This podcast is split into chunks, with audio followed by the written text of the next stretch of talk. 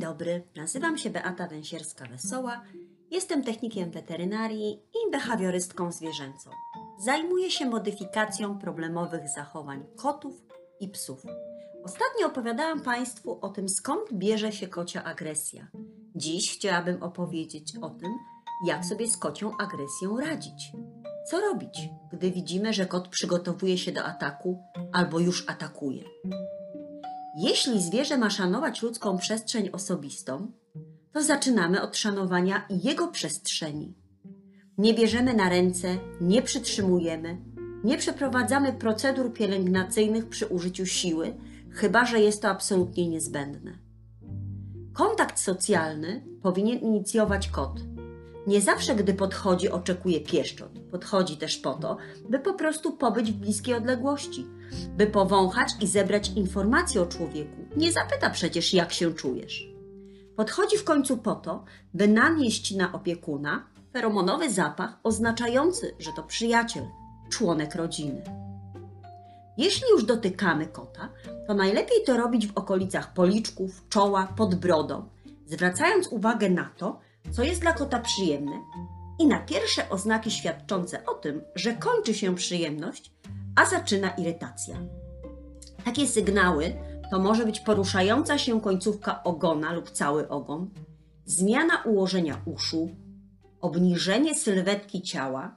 Przed atakiem często obserwuje się koncentrację wzrokową na dotykającej ręce i chwilowe znieruchomienie. Są oczywiście koty, które lubią głaskanie po brzuchu czy ogólnie głaskanie. Jednak dziś mówimy o tych, które najczęściej mają problem z dotykaniem. Czego z pewnością nie robimy? Nie straszymy, krzyk czy spryskiwacze nie sprawdzają się w dłuższej perspektywie.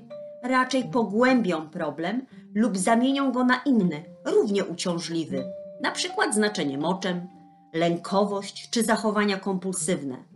Tak więc unikamy wszelkich metod awersyjnych i unikamy też konfrontacji. Przy pierwszych sygnałach zapowiadających atak to może być na przykład koncentracja wzrokowa na obiekcie ataku, śledzenie wzrokiem, skradanie się, zwolnione ruchy. Kot może mieć obniżoną sylwetkę, poruszać ogonem. E, to będzie oblizywanie pyszczka, wokalizacja, miauczenie, prychanie, warczenie. Zmiana położenia uszu, z reguły one są bliżej głowy, trochę spłaszczone, ale nie zawsze tak jest. Zwiększamy w takiej sytuacji pomału dystans i wychodzimy na przykład do innego pomieszczenia. Nie oznacza to, że do końca życia kota trzeba będzie chodzić na palcach we wspólnym domu, ale dopóki nie zostanie ustalone źródło problemu, staramy się nie doprowadzać do jego eskalacji. Można spróbować przekierować kota na zabawkę, na smakołyk, który odrzucamy od siebie. Dobrym rozwiązaniem jest wyprzedzenie zachowania, zachowania i zmiana kontekstu emocjonalnego. Jeśli kot atakuje w określonych momentach czy miejscach, to można zaproponować wcześniej, zanim e, zaczną się pierwsze objawy tego, że, e, że u kota emocje się nasilają, można zaproponować wcześniej smakołyki, czy przekierować kota na przykład w inne miejsce, odwołać go z tego miejsca, które jest problemowe. Jeśli już następuje atak, opór powinien być bierny, a nie czynny, na tyle, na ile tylko jest to możliwe. Najlepiej jest kota czymś zablokować, uniemożliwiając ten atak. Można zostawić wcześniej takie tarcze obronne w różnych miejscach. Najlepiej, by znalazły się tam, gdzie dochodzi do ataku. Jeśli u podłoża leży niewłaściwa, u podłoża tych zachowań agresywnych, leży niewłaściwa zabawa i atakowane są nogi, czasem wystarczy ubierać przez pewien czas grubsze dresy e, i buty, co pozwoli na brak reakcji, które to zachowanie wzmacniają. Dla kota stymulujące mogą być na przykład wysokie tony okrzyków, e, takie jak ała, puszczaj i próba ucieczki czy oswobodzenia się. Jeśli ofiara nie będzie współpracować, oczywiście w cudzysłowie, to polowanie nie będzie ani ciekawe, ani zabawne i kot po jakimś czasie po prostu zrezygnuje. Oczywiście pod warunkiem, że zapewnimy mu odpowiednią ilość zabawy. E, innej, takiej, która jest akceptowalna.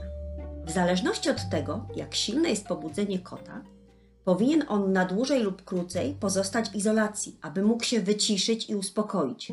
Przy silnym pobudzeniu mówimy raczej o godzinach, nie o minutach. Nie można lekceważyć agresywnych zachowań kota. Jeśli z takimi mamy do czynienia, najlepiej poszukać rady i wsparcia u sprawdzonego zoopsychologa czy behawiorysty. Serdecznie dziękuję Państwu za uwagę.